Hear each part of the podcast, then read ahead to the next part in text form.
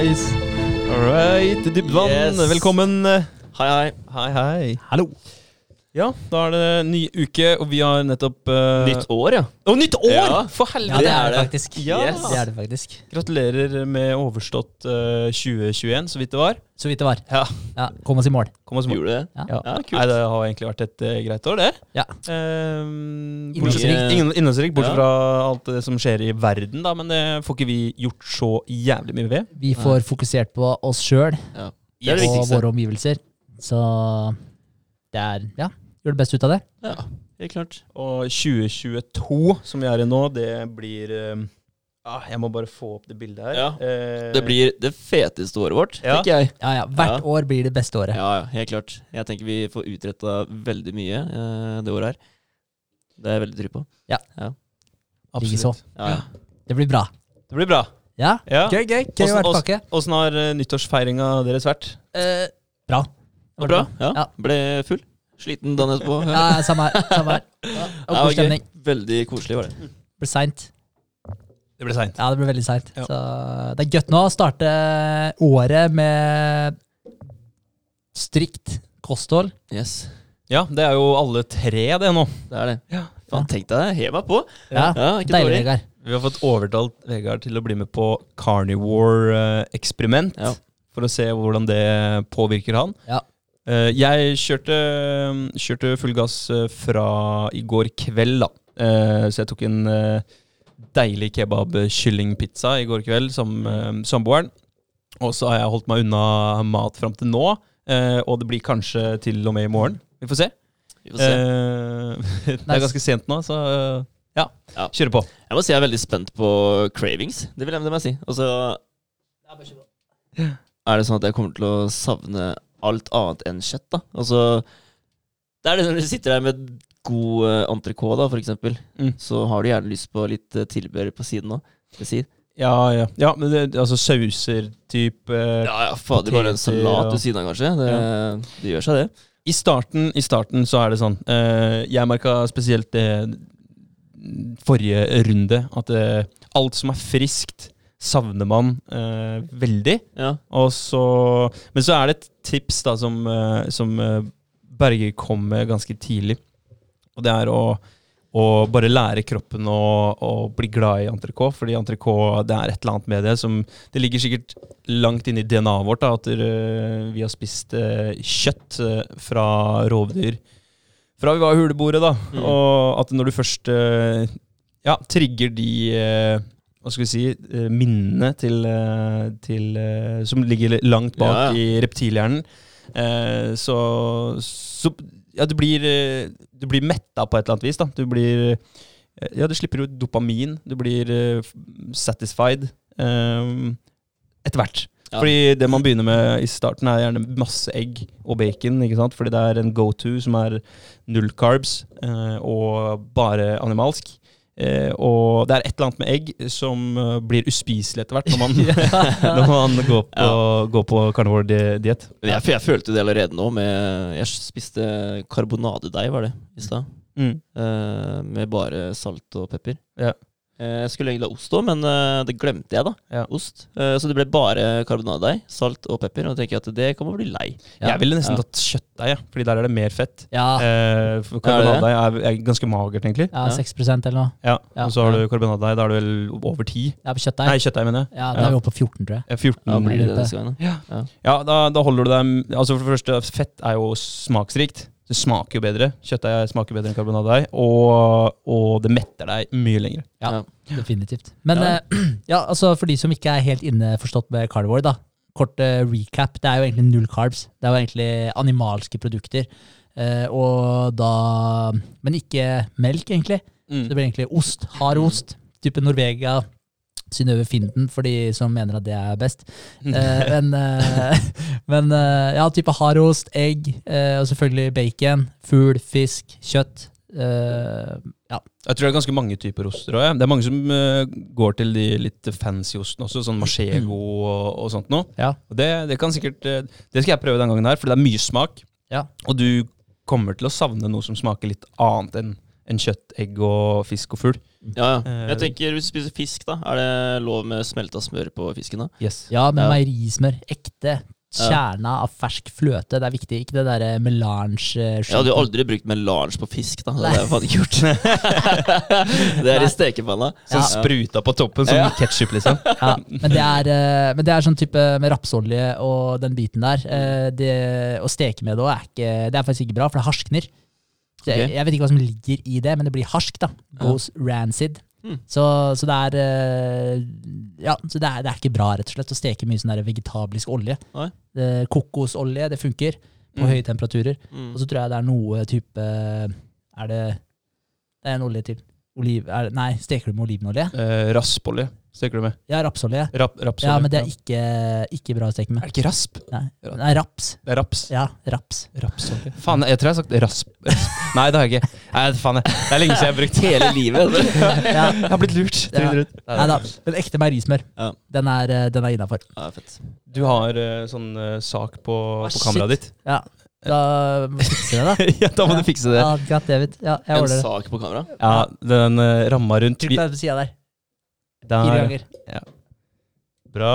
Ok, så det er eh, grunnen til at det her skjer. Det er fordi at eh, vi prøver Nice. Ja. Vi prøver å optimalisere studio her. Ja. Eh, og ja, det tar tid å kjøre seg inn. Eh, og så er det et eller annet med at vi kjører oss ut eh, innimellom. med At eh, ja, vi endrer på litt innstillinger og Vi er ikke eksperter på lyd og bilde. Nei, vi må legge oss flate og bare innrømme det. Vi er ikke eksperter ennå. Nei, Nei. men uh, i det siste så har vi blitt litt mer eh, obs på det, og, og egentlig krøpet litt til korset og, og spurt om litt hjelp, da. Så vi får se om vi kanskje får litt hjelp uh, på både det ene og det andre. Ja. Men, eh, bare sånn tilbake til den carnivore-dietten. da Altså Ja. Det her er jo en challenge vi har tatt som varer i 40 dager. 42. 42 dager. Yes, ok. Bare dra på det.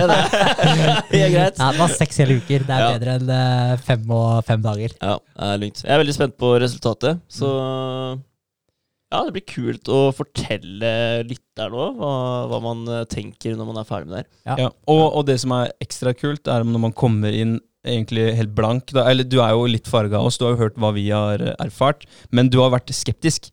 Ja, ja. Eh, og det er egentlig litt bra, da, eh, tenker jeg. ja, men jeg skal si akkurat det jeg mener, selvfølgelig. Ja, ja. Hvordan, eh, men hvordan har på en måte kostholdet ditt vært fram til nå? Eh, bare sånn veldig kort oppsummert. Spist akkurat det jeg vil. Mm. Ja. Ja, ja. Jeg avslutta, jeg avslutta i går med en uh, stor pizza fra Pizzaekspressen. Ja. Mm. Yes. Deilig. Bare slurpa det i meg. Nei. Trøkka det inn. Ja, vi, vi trenger en sånn, litt, en sånn kort ukentlig status på, på uh, opplevelsen til Vegard. Det syns jeg. Ukentlig status. Ja, Ja. på poden, da. Ja, altså neste uke. Ja, ja, hver Yes. uke, liksom. Ja, ja, sånn, ja, ja, ja, det er jeg med på. Eh. Hvordan, uh, hvordan ligger jeg an, og hvordan er, uh, hvordan er avføringa mi, og hvordan føler jeg meg sånn generelt, da. Full, full analyse. Ja, Full, det syns jeg. Ja, Gjerne ta med avføringa di. ja, Det- ja, ja vis Vis den på poden. Ja. Nei, ikke gjør det. Nei, ikke gjør det. Ikke gjør det. All right. Ja, Noe mer eh, å si om carnivore-dietten? Har, du- har du noen følelser i dag, da? Den første dagen? Nei, jeg har jo egentlig ikke det. Eh, Jeg er ikke sulten ennå. Jeg spiste ja, litt etter tre. Klokka er nå Hva er klokka? fem på åtte. Jeg er ikke sulten ennå. Det er jeg ikke. Det tror jeg kanskje jeg hadde vært. Ja. Hvis, jeg ikke, hvis jeg hadde spist brød eller ja, noe annet, da, Ja. så tenker jeg kanskje det. Det er litt rart. eh, Det, er, det har jeg merka hver gang jeg spiser typ eh, et, eh, en frukt, en, et eple eller noe sånt noe. Mm. Jeg spiser Idet jeg har spist opp eplet, umiddelbart etterpå, så blir jeg mer sulten. Mm.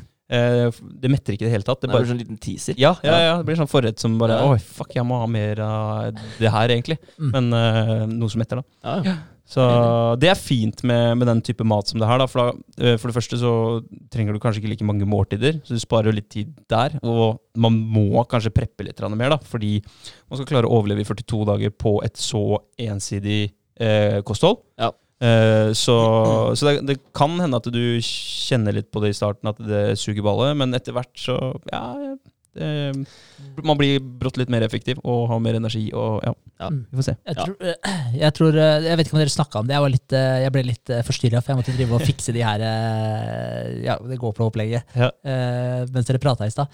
Men det med å bli eh, lei maten osv. videre eh, For det, det er jo en ting som eh, Som er veldig rart. Fordi all mat som jeg spiser, så blir jeg i utgangspunktet lei det. Jeg kan spise taco hvis jeg spiser for mye av det, hvis jeg spiser for mye pizza. Spiller ingen rolle hva det er jeg spiser for mye av. Uh, jeg blir drittlei det, og det, bare, det stopper til slutt. Du har ikke lyst på det mer. Men, eh, og det samme var det som du sa, egg. Det blir uspiselig etter hvert, og det Mm. gjør det for meg òg. Mm. Det, det, det bare stopper. Du blir kvalm da, når du skal prøve å spise det. Entrecôte, det funker. Mm. Det bare, du craver det bare mer og mer. Jeg får seriøst eh, kan spise entrecôte hver eneste dag i flere uker, Ja. og så får jeg en entrecôte på, på fjøla, en hel entrecôte. Det begynner å Jeg får vann i munnen, da. Jeg blir så gira på å spise Ja, ja, altså, jeg, jeg hører Så- hva du sier. Jeg hører Ja, det. men jeg tror en av, av ulempene med å prøve å trikse det til, prøve å være jævlig kreativ med måltidene sine for å prøve å få mest mulig smak og sånn, Mm. tror jeg bare er dumt. ass. Jeg tror bare man gjør det vondt verre for seg sjøl. Mm. Det eh, så det er et tips. Bare, Ja. ja. Jeg, altså, jeg, jeg, jeg tror alt har med innstilling å gjøre. Det tror jeg. Holdningen din til akkurat det du gjør. da Altså Hvis du sier til deg sjøl at du, eh, 'jeg elsker å spise entrecôte, Mm. og jeg blir et beist av å spise bare kjøtt og ja, ikke sant? Det gjør meg bare bra, da.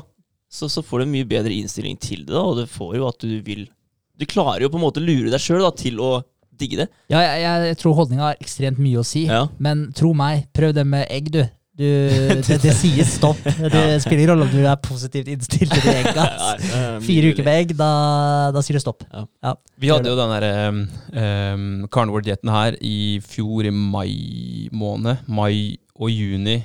Uh, jeg lurer på om vi begynte vi sent april, kanskje. Uh, jeg lurer på om det var noe sånt nå. Er Men, men uh, vi bada i kaldt vann en dag. Da var vi på, på carnivore. Og vi bada Eller vi svømte ganske langt. Eh, og når vi kom hjem da, så var vi utmatta, utlada.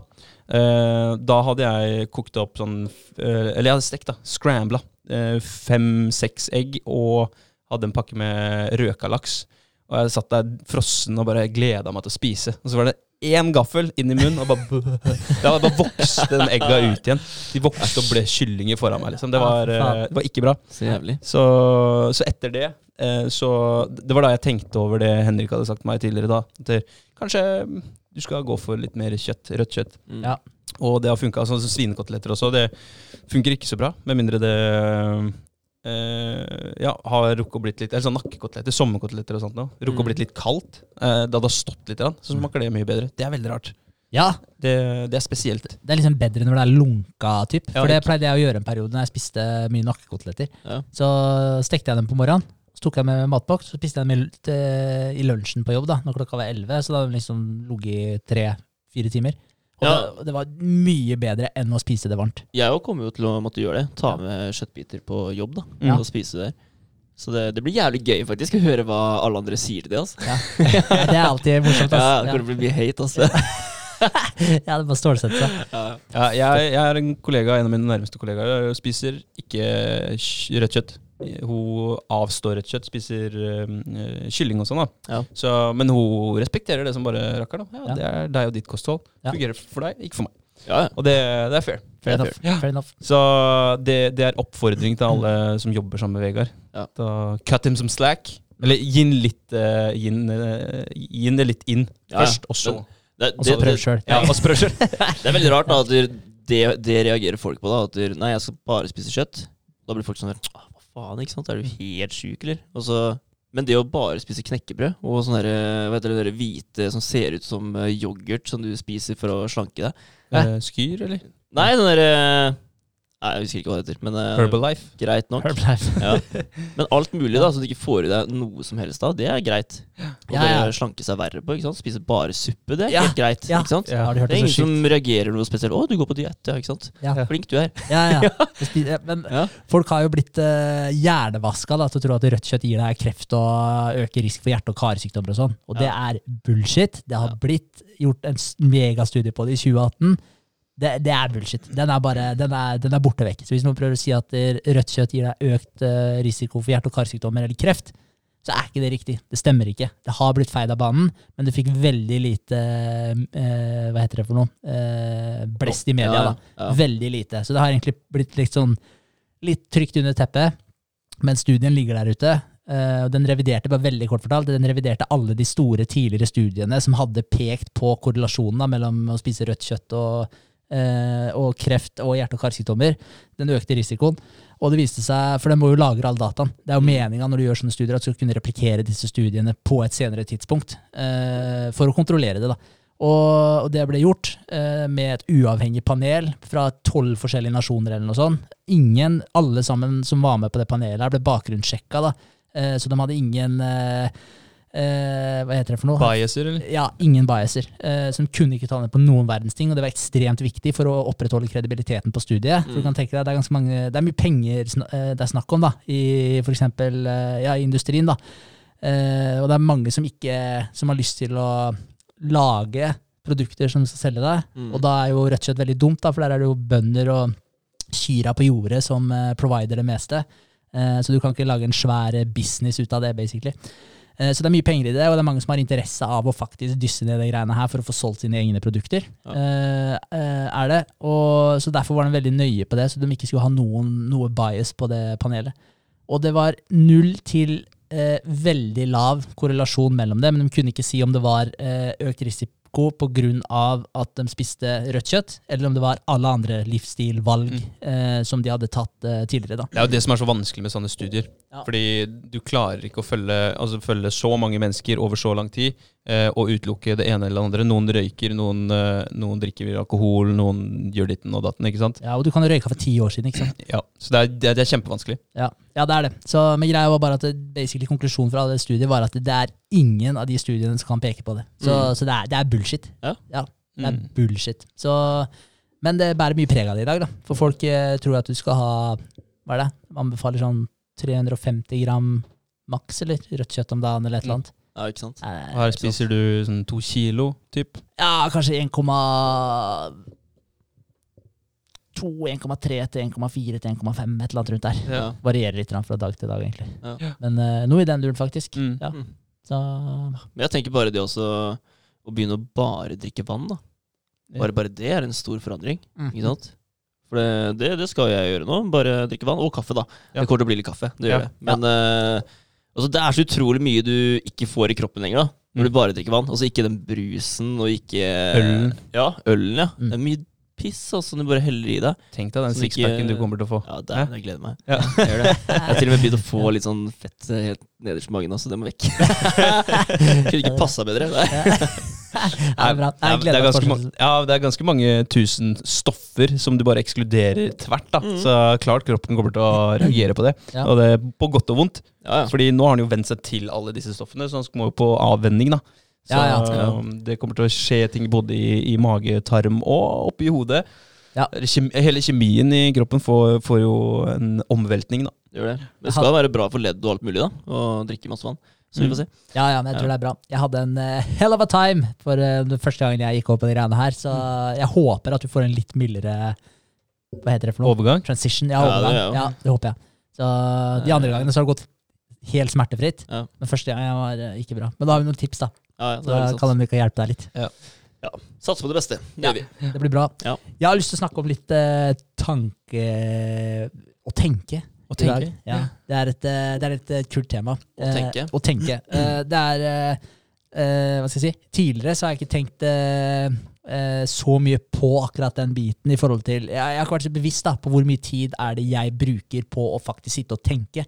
Man går jo rundt Man går jo rundt eh, til daglig og tenker. Men setter du deg noen gang ned og virkelig evaluerer ting? Gjør dere det, egentlig? Sånn, og hva skal jeg si, fra, hvis du tenker tilbake i tre år da, kontra i dag, altså er det noe forskjell? Uh, bare sånn nysgjerrig spurt. Ja. Ja begynn, du. Ja, skal jeg begynne? Ja. Ja. det, siste, um, det siste halvannet året, eller året pluss, ja. Eh, Da tror jeg jeg har blitt mer Nei, sikkert et par-tre år.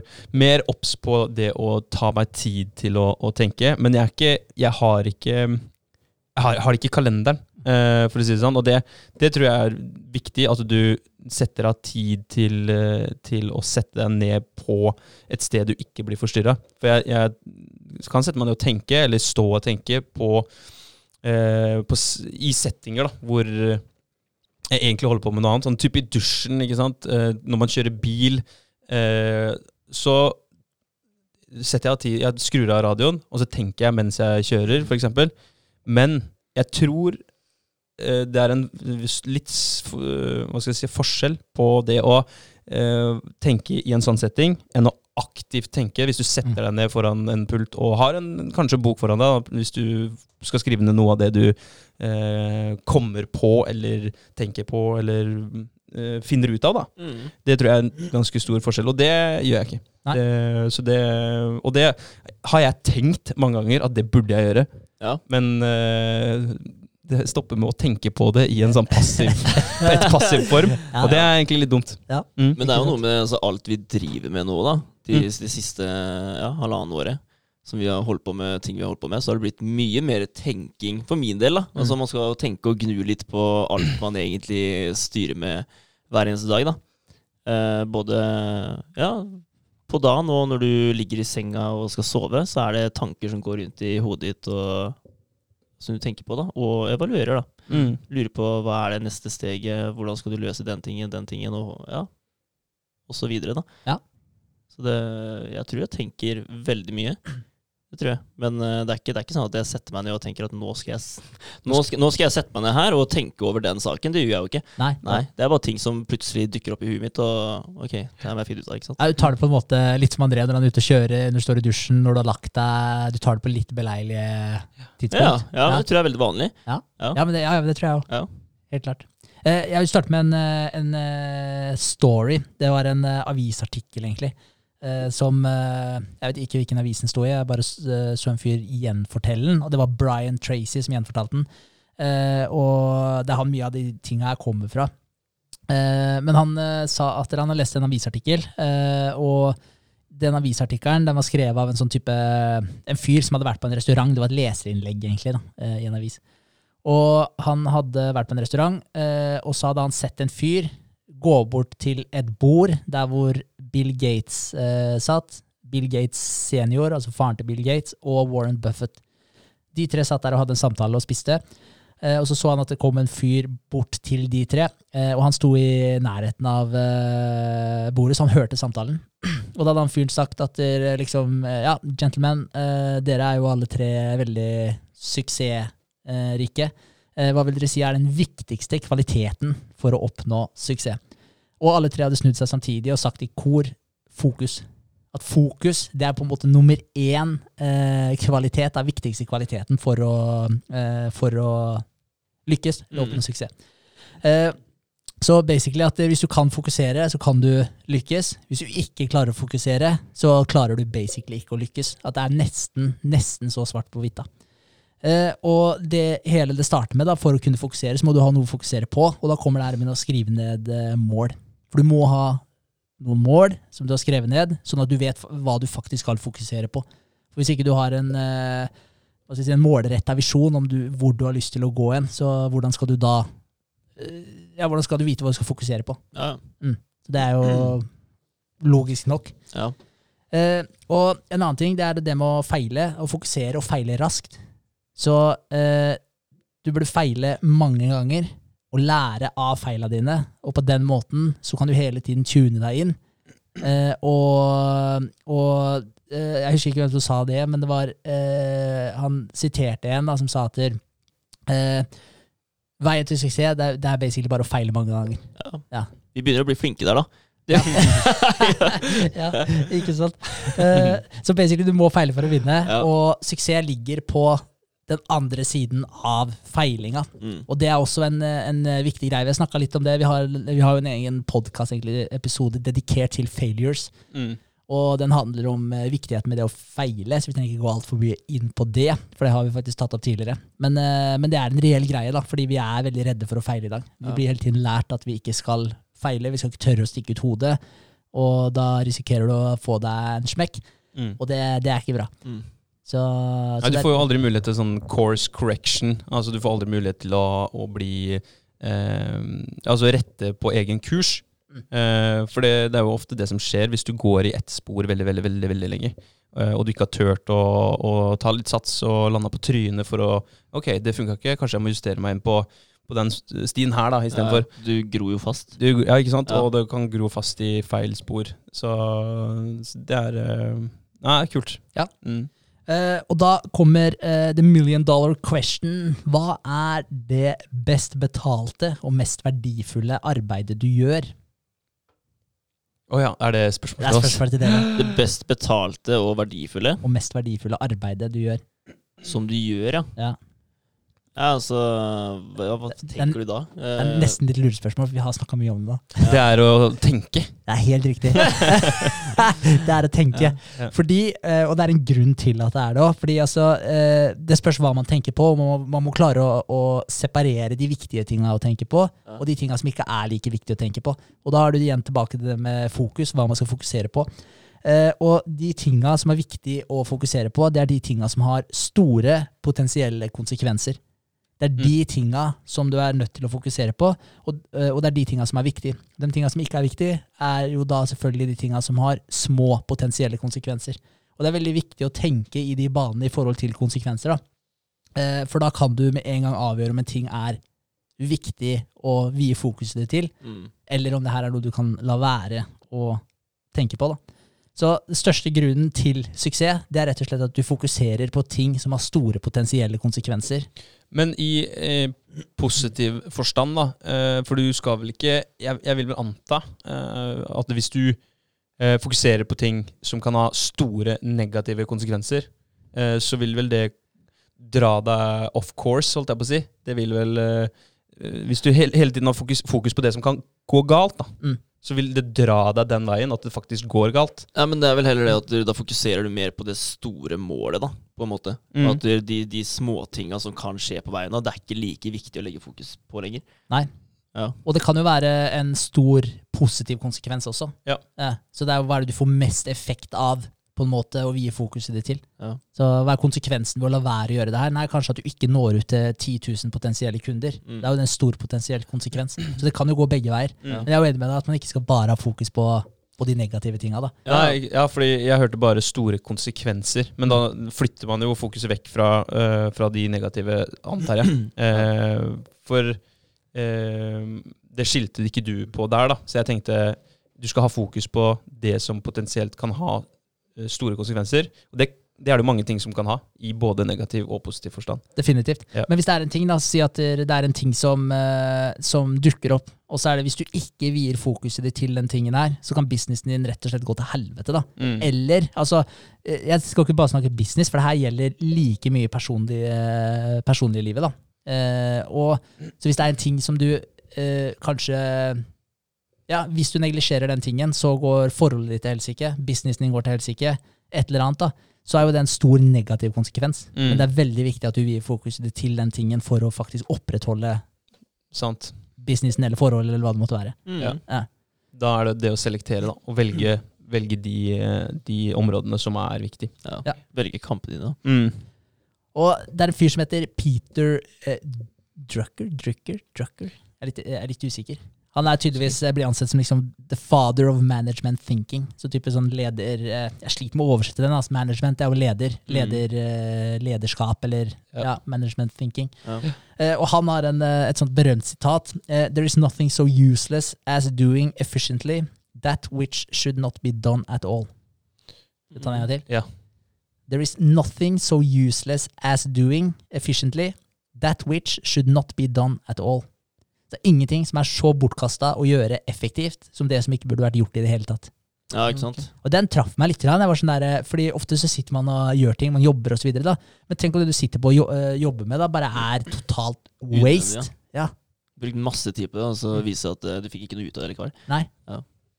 Men det er vanskelig, da. Vanskelig. Ja, det er jævlig vanskelig å vite på forhånd, for det vet kom, du ikke. ja, da kommer man bort på den der Captain Hindsight eh, som vi nevnte så vidt i stad. Det Ja. å være ja, være etterpåklok. Det er lett å være etterpåklok. Ja. Men så sa vel var det, det Dere begge to har vel sagt det. Eh, det med å tenke eh, Tenke at om, om det du hadde visst eh, Hvis du hadde visst det du vet i dag, ville jeg da gjort som jeg gjør? holdt jeg på å si? Ville jeg da fortsette i den stien her, og hele tiden ha den litt fram i bakhodet òg, da? Ja, ja, den kommer jeg til, altså. For Ja, den er et ja. ekstremt uh, viktig poeng oppi den hele her. Ja, ja. Ikke sant? Uh, men ja, 100 Ja. Uh, Men eh, det jeg skulle si, det som er litt gøy med den der, er at, jeg sier liksom at det du gjør, selv om du gjør det effektivt da, For du kan gjøre ting på en veldig bra måte, og gjøre det effektivt, og på en måte være god på den tingen du gjør, men det kan være totalt waste å gjøre den tingen.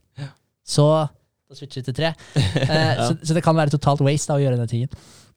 Men, eh, men eh, teknologien det er en av våre største hjelpemidler, men det er også en av våre største utfordringer. Og det som er eh, eh, grunnen til det, er at den tar fokuset vårt. Så i dag, så Hvis du tenker på hvordan vi, mange, inkludert meg sjøl ofte, at hvordan vi går rundt da, og reagerer på varsler osv. som bare tar fokuset vårt hele tiden. da. Så uh, han, eh, Brian Tracy han uh, beskrev det som at vi var en gjeng med attention deficit dogs. Så vi basically ja. bare går rundt og bare reagerer til den der eh, telefonen hele jævla tida. da. Gjør det. Ja, og det er, eh, det er ikke bra i det hele tatt. Uh, for det tar rett og slett fokuset ditt.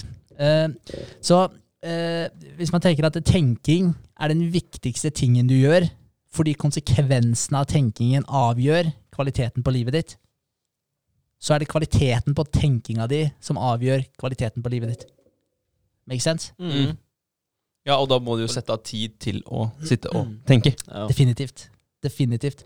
Og det som er litt interessant da, for han derre Brian Tracy, han, eh, eh, han har jo uh, jobba mye med business, jobba med mye supersuksessrike folk, og vært mye rundt de, da. Og det han sier, han har opplevd disse folka som er på type som Forbes eh, 500, opplevd dem når uh, kriser inntreffer.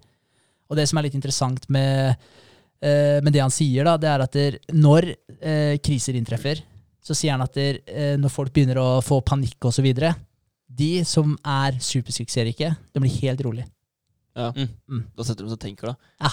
Ja. De, bare, de blir helt rolig, og så begynner de å evaluere situasjonen. Ja.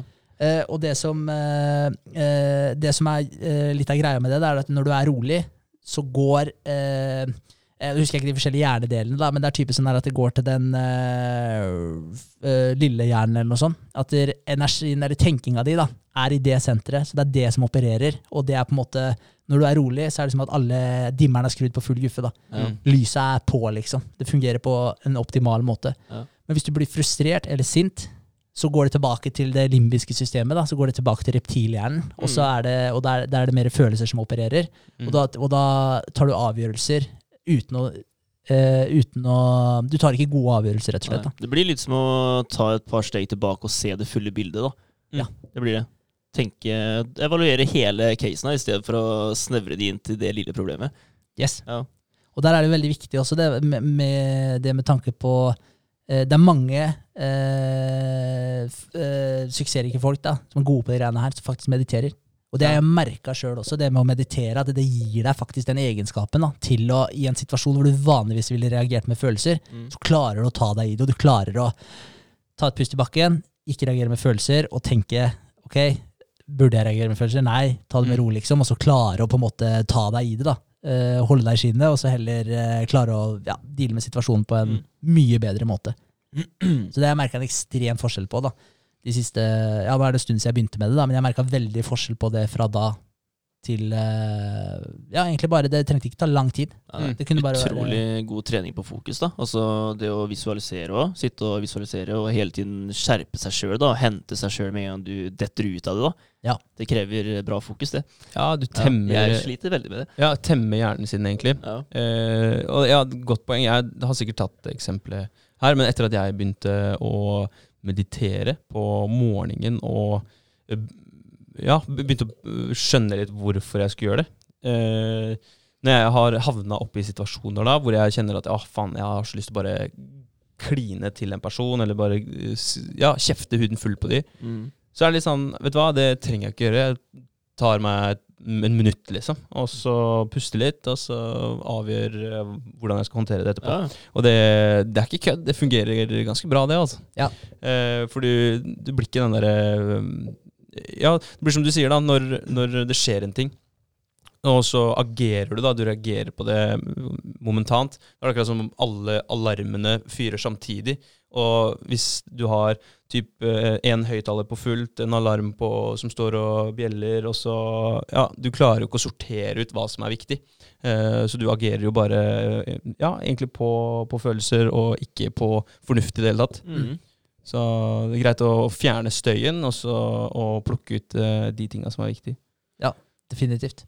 Så, men det er en veldig interessant, uh, en interessant greie, da. Mm. Uh, og det er kult å høre at der, uh, de opererer på den måten. At det bare er liksom det, bare, det gjelder alle, da. Det er ingen av dem som er helt oppi Ja, og er helt biaser, da. Mm. Sånn at de faktisk alltid evaluerer, da, tenker. Ja. Han sa jo også, det var en fyr som var Ja, var mentoren hans. Han sa jo noen ganger han hadde kommet til mentoren sin, og så hadde han sagt og vært sånn frustrert over en ting, og liksom bare sagt sånn, ah, vi, må gjøre det, vi må gjøre det her, liksom. Og så hadde han eh, fyren sagt, eh, eller mentoren hans hadde sagt at eh, ja, la meg, la meg tenke på det. Og da hadde vært sånn, hva faen er det å tenke på, liksom? La oss bare gjøre det her. Jeg var jævlig frustrert over det. Så hadde det kommet et par-tre dager etterpå, så han kom tilbake til den, og så hadde sagt, du, jeg har tenkt på den tingen du sa til meg, og eh, jeg syns eh, vi skal gjøre sånn her, og så hadde han lagt ut eh, hele planen sin, da. Eh, og, og da var det bare sånn, ah, seriøst, så jævlig genialt, liksom. Mm. Hvorfor, uh, hvorfor tenkte jeg ikke på det her? Ah, ja. Og, da, og da han bare en mye bedre plan.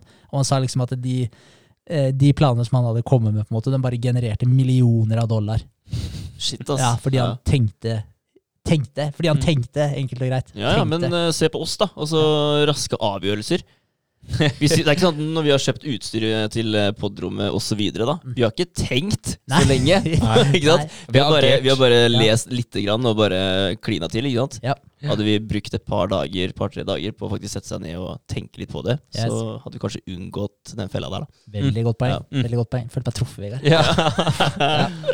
Uh, uh, og så uh, skal jeg over til Daniel eh, Kahneman. Han har vi også nevnt på podden for en eh, god tid tilbake. Eh, han har skrevet en bok som heter 'Thinking Fast and Slow'. Ja. Mm. Eh, og Den eh, drev jo jeg og leste, men jeg, uff, jeg orka ikke mer. Og det sa jeg egentlig på podden òg, for den var jævlig trå. Mm. Den var sjukt interessant, men det var liksom bare Ja, det var 500 sider med type Det er jo tørt. Ja. Det var tørt. Det var sånn Innimellom så var det bare sånn ok, shit, sykt interessant. Det kom mange interessante poenger, men det var som å lese en, nesten en, eh, en rapport, liksom. Ja. Den er, den er trå, den boka, Ja. mye kul informasjon.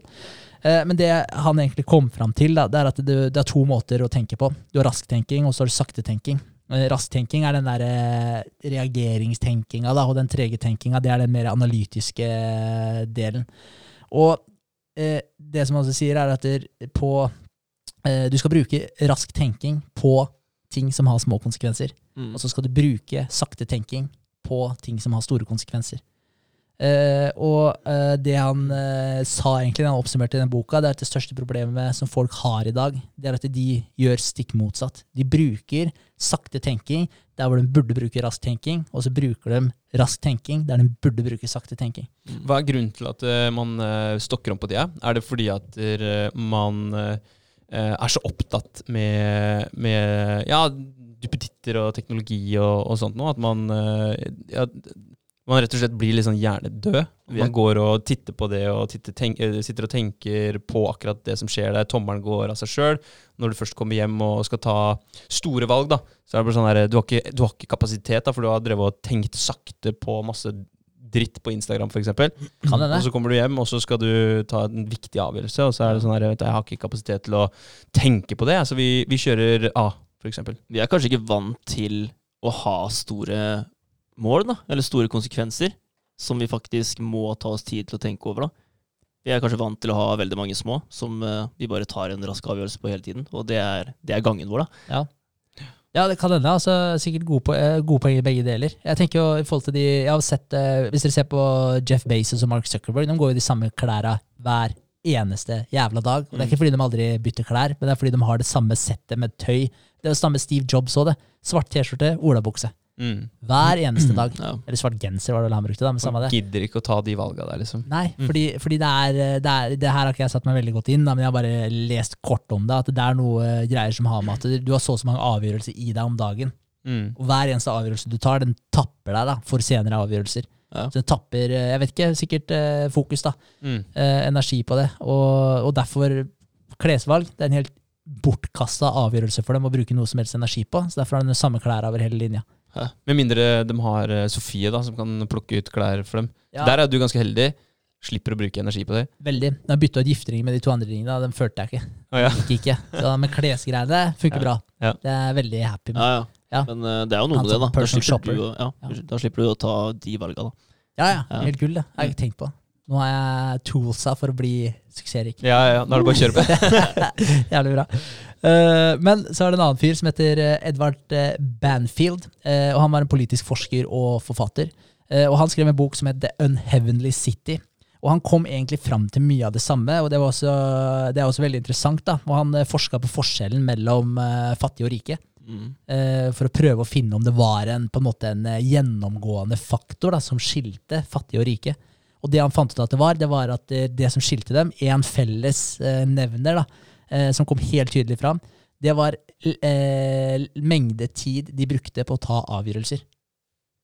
Mm. Ja. Så Mm. de rike de brukte lang tid på å ta avgjørelser. De fattige de tok avgjørelser med en gang. Hele tiden. Og, så han kalte dem egentlig for long term thinkers. da. Mm.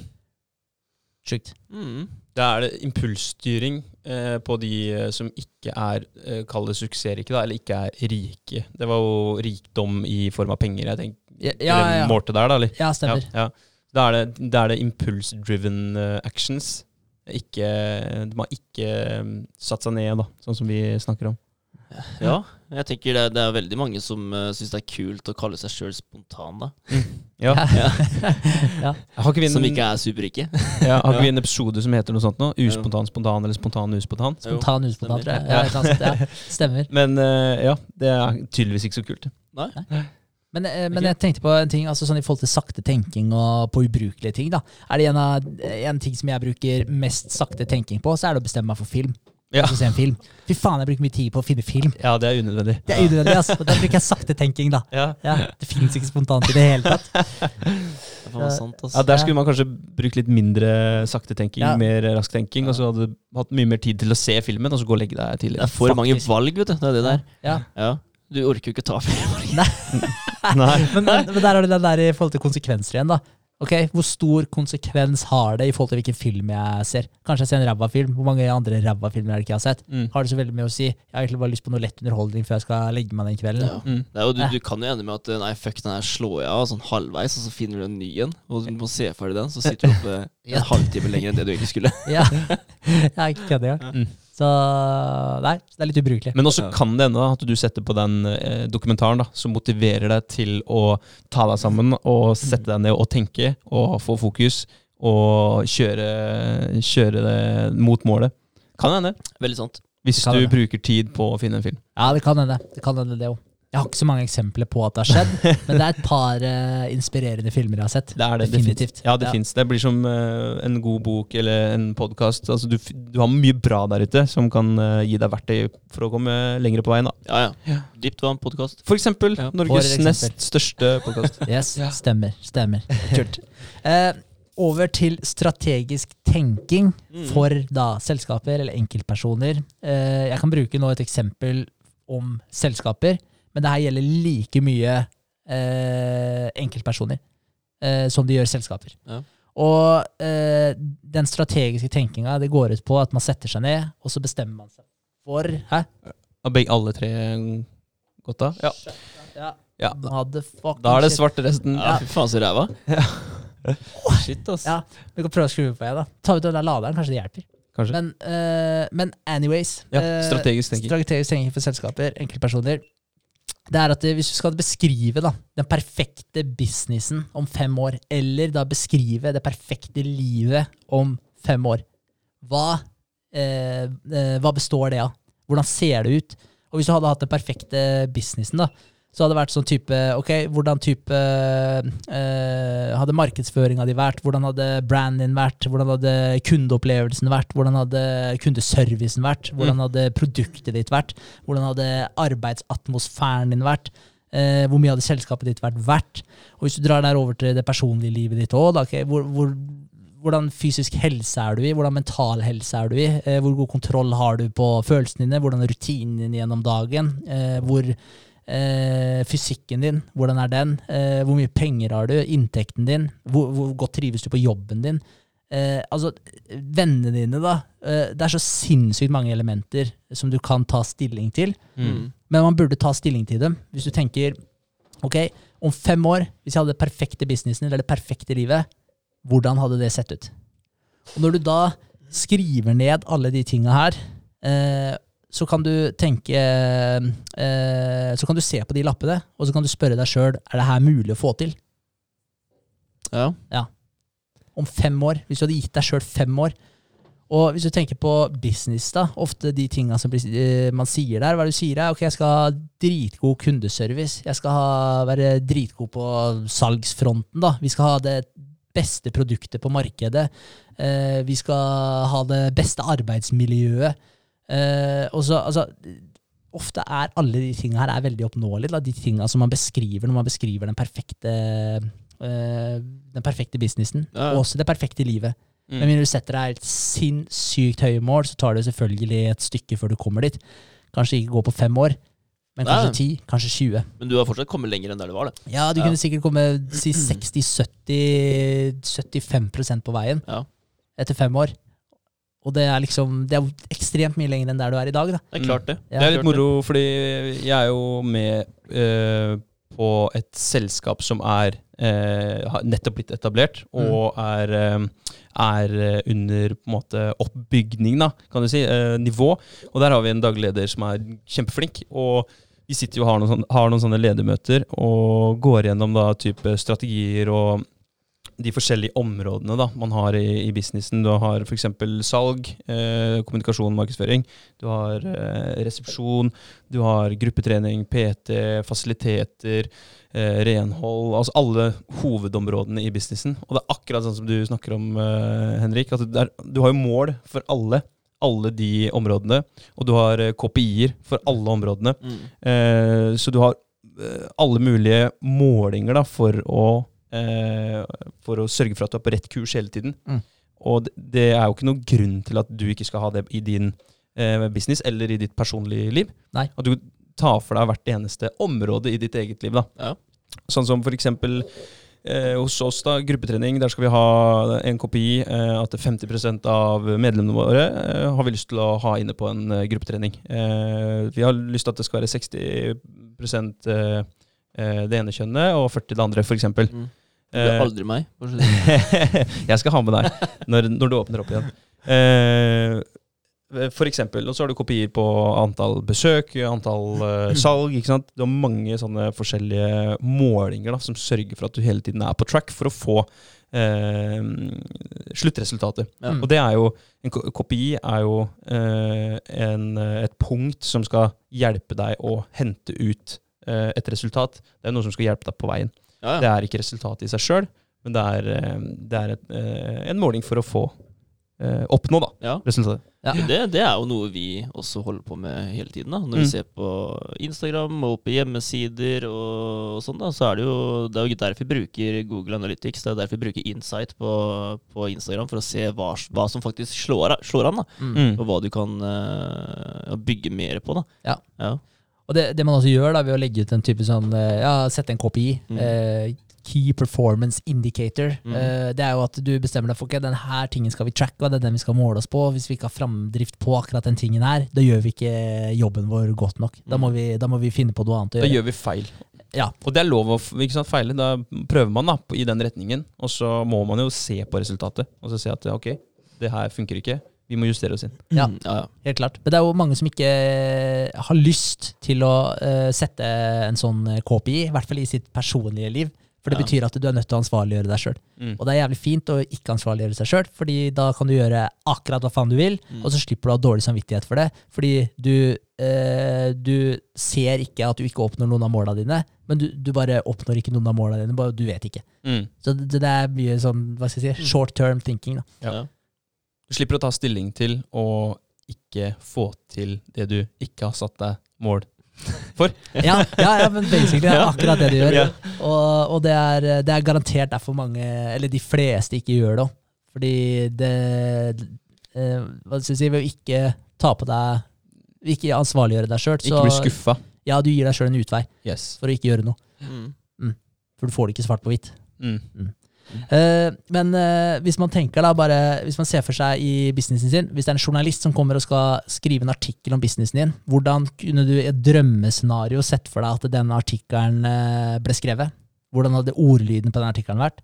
Eller hvis i, ditt personlige liv, hvis noen skulle komme og skrive en artikkel om det, eller en biografi, eller hva det måtte være, da. Eh, hvordan, eh, og de gikk og snakka med vennene dine, de gikk og snakka med familien din, de gikk og snakka med mm, eh, ja, partneren dine hvis du driver med noe businessgreier, eller kollegaer, altså hvem enn det måtte være. da. Mm. De sjekka alle aspektene av livet ditt. Hvordan ville du at den artikkelen skulle sett ut, eller den biografien skulle sett ut? Det Blir litt som i begravelsen. Ja, ja. Du Ja, vil jo ha mange gode ord, da. Altså, du vil jo ikke lese noe negativt om deg selv. Nei. Det vil du ikke. Nei, ja, eller nei, altså det spørs eh, kanskje litt, da. Hvis det er sånn der, eh, fordi det er jo noen som vil ha all tid, da, som kanskje ikke får nok tid. Så kanskje de syns det er negativt da, at ikke de får tid. Men da tenker jeg jo det, den hadde jeg levd med, liksom, hvis jeg hadde prioritert litt andre ting. da. Så, men, men det måtte vært de tinga som faktisk var eh, hva skal jeg si, ok for deg, da. Du skulle ikke blitt eh, karakterisert som et rasshøl, liksom. Nei, Nei, nei men, eh, men det er litt i kvalitetene du har òg, da. Mm. Åssen type person du er, om du er takknemlig type, omtenksom, om du hjelper andre, om du er drevet av måla dine, om du er ambisiøs. Altså det, det er så mange ting da, som, eh, som man kan måles på. Ja. Men det er noe verdt å ta stilling til og tenke ut den. da. Og det er en fin måte å tenke på det på. da. Eh, I, gå, I stedet for å gå over alle kvalitetene, sånn, så kan man heller tenke at hvis noen hadde skrevet en, en biografi om deg, hvordan ville du at den ordlyden på den skulle vært? Mm. Og da kan man begynne å ta stilling til de elementene derfra, kanskje. Mm.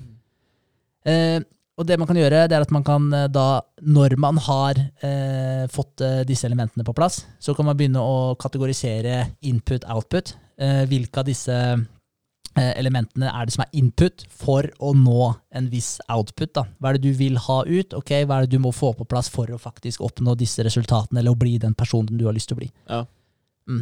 Skjønner. Som å, som å se på venner du omgir deg med. Da. Ja. Altså, er det venner som holder deg igjen, eller er det venner som drar deg opp? da? Ja, ja. Ja. Det, det er jo noe du er nødt til å endre på i visse tilfeller, da, hvis du, hvis du vil mer, men uh, alle andre rundt deg, de, de vil være der de er. Da Ja. Da er du nødt til å ta stilling til det, og kanskje endre de du henger med, da, for å komme videre. 100% Ja. og, det er, eh, og det er liksom eh, Å gå gjennom de tinga her, da, det krever jo, det krever faktisk mot. Mm. Det krever jo det krever enormt med mot, for du Ja, må ta stilling til mye ting som du kanskje ikke har lyst til å ta stilling til, som akkurat de greiene her. da, Hvis man har vært venn med noen fra man får man typ kunne krabbe, ikke sant? så er det sånn, det er jo ikke gøy å tenke sånn eh, fuck, kanskje, vi, kanskje man må prioritere annerledes. Det betyr ikke at man må være uvenner, men det betyr kanskje at man ikke kan henge like mye som man brukte å henge. da, Mm. Fordi man må prioritere tida si annerledes hvis man har lyst til å oppnå de tinga som man har lyst til å oppnå. Ja, det er veldig sant. Og det kan jo være nok med at det er en, eh, en person som eh, har veldig dårlige vaner. Kanskje får deg med å drikke eh, kanskje to dager i uka, da. Og så er det sånn så vet at faen, jeg burde egentlig komme litt i bedre form, og jeg burde ikke drikke så mye og sånn, da.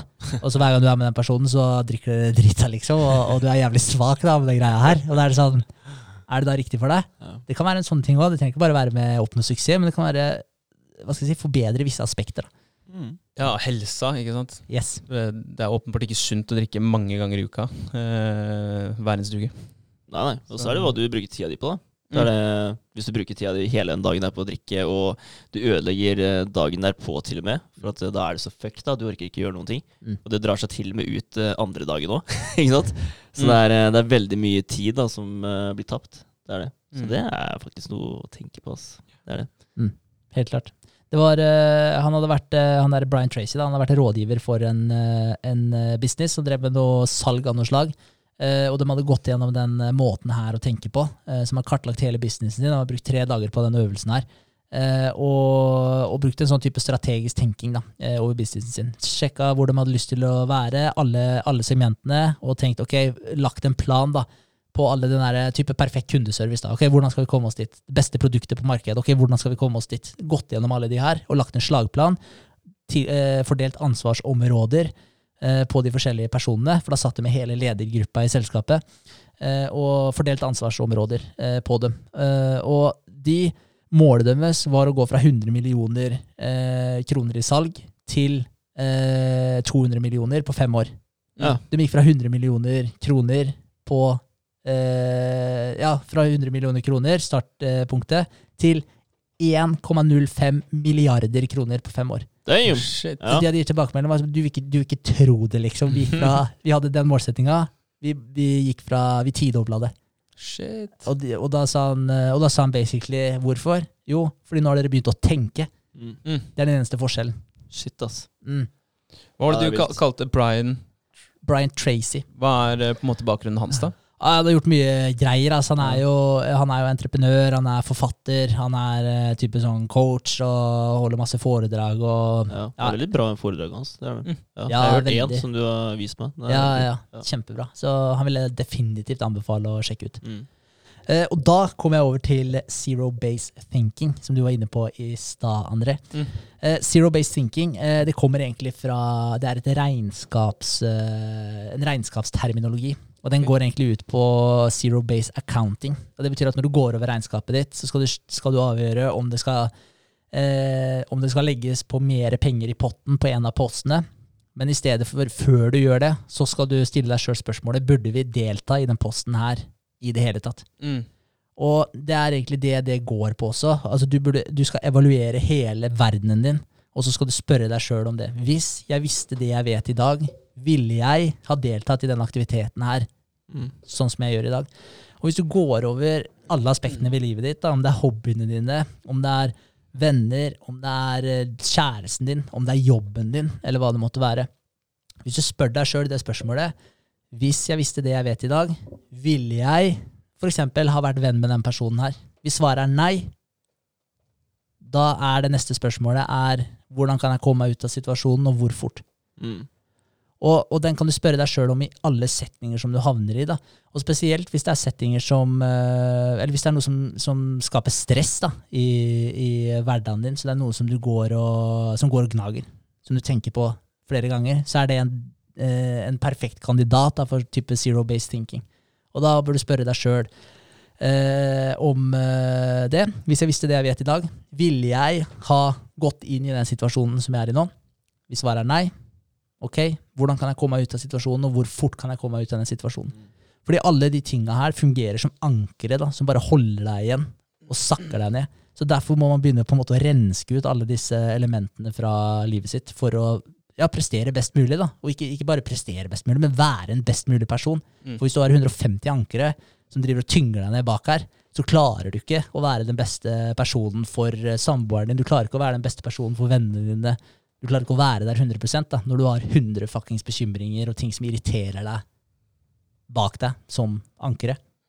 Nei, du vil jo drukne etter hvert, da. Definitivt. Det er, eh, men også og så er det Du snakka så vidt om det sist også, for jeg brukte også anker som, som noe man må evaluere underveis gjennom hele livet sitt. Og det er noen ankere som, som du kanskje ikke klarer å kvitte deg med. Som du må lære deg å måtte dra Du må bli sterk nok til å faktisk dra det med deg. da. Eh, og det, det kan jo være ting som, som Ja, det kan være en, en last du har, da, eh, fysisk eller psykisk, eller hva det måtte være. Det kan være et anker som du må bare ja, godta at det er der. Men de fleste uh, ting som kommer fra utsiden, kan man uh, faktisk riste av seg, da, eller, eller klippe av, liksom. Det er sikkert mye du ikke vet om òg, som kan være en eh, stor last for deg. da Som du egentlig ikke helt klarer å se heller, eller komme på da når du prøver å finne ut hvilke ankre du, ankre du har. da Ja, ja, definitivt. Det, det er vel sikkert eh, en av de mange grunnene til at eh, mange av de som er prestasjonsmennesker, eh, uten å være psykisk syk, går til psykolog eh, og går til en eller annen coach. da som kan være med deg og evaluere litt. da. Ja. For det er kanskje noe i livet ditt som du sier, da, som du bare Nei, det er der uansett. Det er, det er, Mm. det er meg, det, det er bare sånn jeg er. Eller det kommer litt den unnskyldninga på, på at det, det kan, ikke, kan ikke vi gjøre noe med. Det er bare sånn det er. Ja.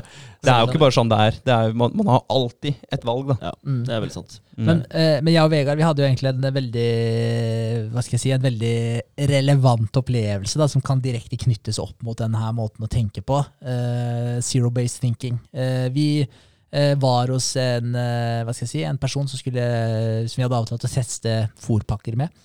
Eh, og vi eh, er vane med å bare Når vi skal pakke disse fôrpakkene, så trenger vi en høyball. For den er basically den riktige formen for oss. Og så, Vi hadde avtalt med den personen her. Den personen bodde da 1 time og 20, 1 time og 30 Ja, ja. minutter bort, Det var det. cirka. Det var langt. Eh, ja, det var langt.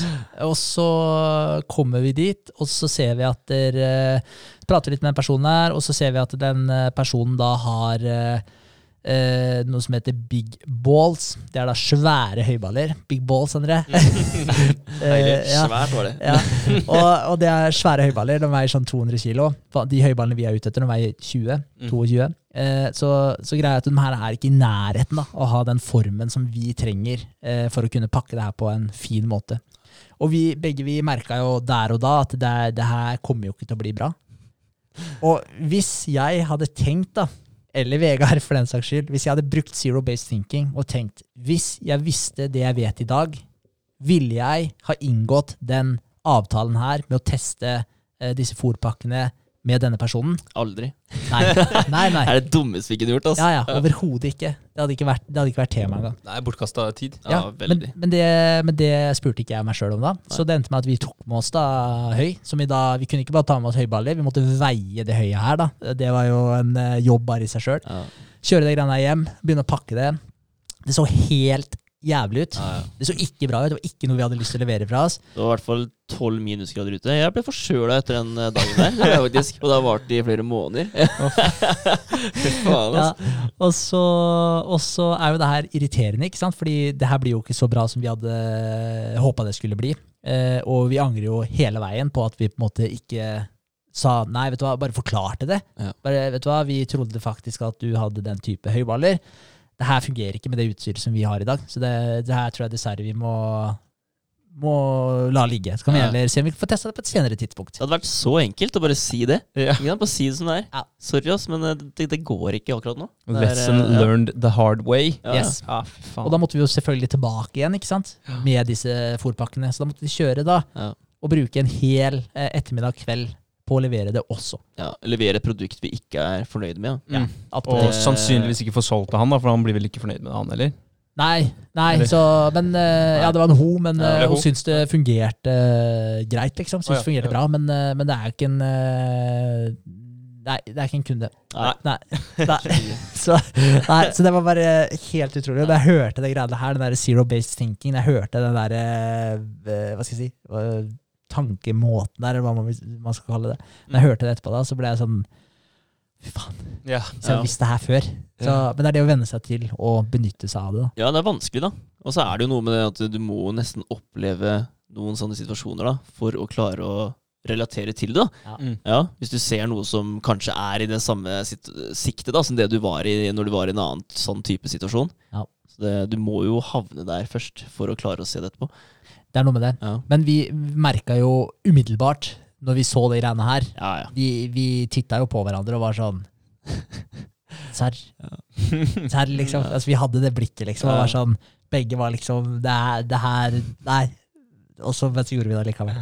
Så vi visste det jo. Ja. Men, eh, men så den er veldig interessant, da. Og det er et sånt superbra trikk som man kan ta med seg, ta med seg videre. Og prøve. Og, men da gjelder det jo faktisk da, å gå igjennom, selv om det er en eh, kanskje ikke så artig jobb, da, men å gå igjennom faktisk alle aspektene i livet sitt. Det gjelder Mm. å tenke. Du må faktisk sette deg ned og tenke. Du må det. Mm. Da må du faktisk sette deg ned og bestemme deg for at det her skal jeg gå gjennom nå. Mm. Og så må du spørre deg sjøl om det. Hvis jeg visste det jeg vet i dag Vil jeg. Mm. Mm. Mm. Og da er det sånn, hvis du visste Bare for å, å gjøre det klinkende klart, da, for jeg, jeg, jeg brukte litt tid på å, å vaske den setningen for å skjønne det sjøl. For da er det sånn at der, hvis du tar for eksempel en eh, kamerat eh, eller en kjæreste Hvis du visste det du vet i dag, den gangen du møtte han, Mm. ville du da blitt venn med han? Yes. Det er jo litt den måten du må tenke på. Ja, ja. Du skal tilbake fra yes. til base point. Og, og det er vanskelig, ikke sant? Ja, ja. Da, da vil du hele tiden måtte erkjenne all den tiden du har brukt på å prøve å få noe bra som kanskje aldri vil bli bra, da. Ja. Mm. Eller eh, ja, at du har kasta bort tid. Ja. Men sannsynligheten for at du har lært noe på veien, er jo ganske stor, da, spesielt når du kommer til det punktet at du faktisk eh, eliminerer eller eh, utbedrer, da. Ja, og så kommer du jo bedre ut av det da enn hvis du fortsetter i samme, samme løpet. Det er akkurat det. Ja. Mm. Og Det, det, er, det føles kanskje som et tap der og da, da men Mm. eh, langsiktig så er det jo ikke det. tiden legger alle sår. Ja. Det er en grunn til at det er en klisjé. Ja. Ja. Det er det. Men, eh, men det som er litt uh, interessant med det òg, er jo faktisk at hvis man spør seg sjøl om det spørsmålet, så får man svar på ting rimelig kjapt. Mm. Du vet hva som er riktig for deg, og hva som er feil for deg. Ja, Man gjør det. Og da er jo spørsmålet ok, har du lyst til å dra den helt ut da, eller har du ikke lyst til å dra den helt ut? Hvor ærlig har du lyst til å være med deg sjøl? ja, utrolig vanskelig, da. Det er det. Det er Det er hardt, altså. Ja. Og det er eh, Jeg vet faen, jeg bare det er, det er flere ting som dukker opp i huet mitt når jeg sitter og tenker på det nå. Ja. Uh, men uh, det er en stor utfordring å faktisk gå og gjøre det. Mm. Ja. Ja. Gå til en person da, for eksempel, og bare si at du, vet du hva, det der går ikke mer, da. Jeg kan, Mm. ikke, jeg kan ikke være vennen din fordi du, du er ankeret mitt. det var Ja. helt jævlig. ja, ja, ja. Men uh, det går jo an å gjøre det på en uh, Hva skal jeg si en, eh, Man må jo ikke konfrontere personen direkte, da, med mindre den kommer opp. Altså, det går jo an å det er stygt å bare slutte å henge med noen. Da. Ja, ja, men uh, ja, det spørs hvor altså, Hvis man henger sammen fem dager i uka, så er det kanskje på tide å Da, da må Ja, man jo ta praten. Ja, ja, Selvfølgelig. hvis man henger sammen uh, annenhver uh, Eller hvis man er vanlig med å henge en gang i uka, og så blir det annenhver uke, og så brått så er det en gang i måneden, og så kanskje det er greit at det er en gang i måneden. Kanskje man kan holde det der, da. Så, så er jo det på en måte greit. Det spørs jo litt hvordan man har lyst til å ta det. Folk kan jo bli dritsåra hvis man tar den der direkte opp med dem. Det er jo ikke noe hyggelig. Det er absolutt ikke hyggelig. Det er det ikke. Men, eh, men det er jo litt det, da. Også hvis man ikke gjør det, da. Så den eneste det går utover, er jo deg sjøl. Sånn til syvende og sist, da. Hvis du har bestemt deg for at der, eh, det er, Hvis du har gått gjennom da, som sagt, den der strategiske tenkinga i forhold til hvor er det du har lyst til å være, hvilke kvaliteter er det du har lyst til å inneha, hvordan ser dagen din ut da, om fem år? Hvor er du hen? Og hvis du spør deg sjøl da, hvis jeg visste det jeg vet i dag, ville jeg ha blitt venn med den personen her? Mm. Hvis svaret er nei på det, da, og den personen er med på å dra deg vekk fra de planene som du har sagt, eller, satt, eller det målet du har satt for deg sjøl fem år fram i tid, det er, du, det er dine egne mål som du egentlig fucker opp, da. Mm. Ja. Og så er det jo faktisk litt urettferdig i øh, forhold til den personen du er med òg, hvis det er en venn eller, øh, eller kjæreste eller samboer eller hva det måtte være. Fordi du vil jo øh, Dere vil jo på en måte alltid dra samme vei. Hvis du har tenkt tanken og funnet ut at der, hvis jeg visste det jeg vet i dag, ville jeg da, og så tenkt nei, det ville jeg ikke. Men du fortsetter i samme gata og egentlig vil én ting, mens den andre vil en annen ting. Og så hele tiden blir det en sånn splittelse Mm. mellom, uh, mellom de to Mm. partene. da. Så jeg tenker at det, det, er jo ikke, det er jo ikke rettferdig å ikke være ærlig med seg sjøl og den du er sammen med. Nei, altså. Du, du lever en løgn, da. Ja, det. Mm. Det, det går jo dit. ja, hvis, Ja. hvis, hvis det er det du eh, innerst inne ikke vil, Ja. så er det ja, det er dårlig gjort mot deg sjøl, men også den du, du er sammen med. Ja, ja, 100 Veldig. Mm. 100 Jeg hadde et sånt uh, valg jeg tok, men det var ikke så hardt. da, For det var ikke sånn type sånn der uh, ditch en venn-valg. Men det var uh, ditch en hobby som jeg syntes var dritgøy. Jeg spilte padel med en gjeng på jobben. Og det var uh, sjukt ålreit. Og det, jeg digga det. Men greia var at det tok én kveld av uka mi. Mm. Og det er sjukt mye tid. Mm. Og det tok liksom hele kvelden. da, Så jeg fikk ikke gjort noen annet den kvelden. Da var det hjemme og spise, og så var det å dra på det her, og så var klokka, når du var hjemme og dusja, liksom, så var det nesten leggetid. Mm. Og, da, og det måtte jeg bare si at sorry, jeg kan ikke være med, liksom, for det basically tar for mye tid. Jeg er nødt til å sitte og jobbe med de andre tingene her. Og det var sånn, det var ikke gøy, men det var ikke så hardt som å ditche en venn, da. Nei. men eh, men det, var ikke, det var ikke artig, det heller. Men det, var- men det hadde vært en sånn perfekt kandidat egentlig for zero base thinking. Mm. Ja, litt sånn som discgolf også har vært for meg. Jeg, Ja. jeg brukte mye tid på det i en kort periode, og så bare Nei, det, det er ikke sjans. Det hadde rett og slett ikke plass. Nei, sånn var det litt for meg òg. Mm. Måtte bare kutte ut den. Mm, mm. Ja. Ja. Men uh, det er jo god trening, da. Ja. Det er det jo. Det var en start. Ja, på å kutte ting, ja. Ja, Ja, absolutt. Men uh, det er en uh, god greie, da. Men du, kan, en- du- men, ja, men du kan bruke det motsatt vei òg. Altså hvis, hvis det er noe du skulle ønske du kunne gjøre, da, og så dukker det opp en ting som eh, For eksempel, du, vi lærer hverandre ting, da. Eh, og så får du vite at den tingen kan dra deg et sted om x antall år. Hvis du hadde visst det fram i tid, ville du da implementert eh, det i livet ditt? Blir det riktig å, å si det sånn? Du kan jo bli mer observant da, til ting. Mm. Det er, eh, jeg vet ikke, Hvis du har opplevd en ting som du kunne ha gjort, da. Mm. Sånn som eksempel eh, bitcoins. da. Ja. At eh, når, ting, når det kosta ti kroner bitcoin, så kunne du faktisk kjøpt det. Og du kunne vært eh, millionær i dag. Mm. Så du kan se mønsteret da, i dag. Siden du gikk glipp av den der, da, så kan du se ting som skjer i dag som er mye likt. da, da kan du gå inn i deg sjøl og tenke at du, ok, nå har jeg faktisk muligheten. da. Ja, Ja, til, da kan du gripe en sjanse nå. yes. Ja. Ja, altså Det går jo an å bruke det selvfølgelig den, eh, Ja. den veien også. Da blir det selvfølgelig mer spekulativt, da, men man Ja. kan jo bruke historien til å, til å danne et grunnlag for de valgene man tar i dag. Ja. Selvfølgelig. Mm. Vår. Neste konsept da, som jeg har lyst til å, å ta opp, det er uh, Worst Possible Outcome, VPO. Uh, og det er egentlig at man skal uh, eh, ja, spørre seg sjøl hva er det verst tenkelige utfallet av den eh, casen her. Eh, og hvis det er eh, ja, hva som helst, da. Eh, så man skal ta en eh, ja, Hvis det er noe som uh, dukker opp, da, et svært uh, uromoment, eller hva enn det måtte være, da, hvis det er en greie som dukker opp, tenke hva er det verst tenkelige utfallet av det her? Er, er det her noe jeg skal gjøre noe med, eller er det her noe jeg ikke skal gjøre noe med? Og det du kan spørre deg sjøl om da, er om du kan leve med konsekvensen. Mm. Hvis svaret er ja på det, da trenger du ikke stresse noe mer over det, fordi da har du tatt et valg om at det her er en konsekvens du kan leve med, og da trenger det ikke å stresse deg noe mer. da. Hvis det ikke er det, så er du nødt til å gjøre noe med det. Mm.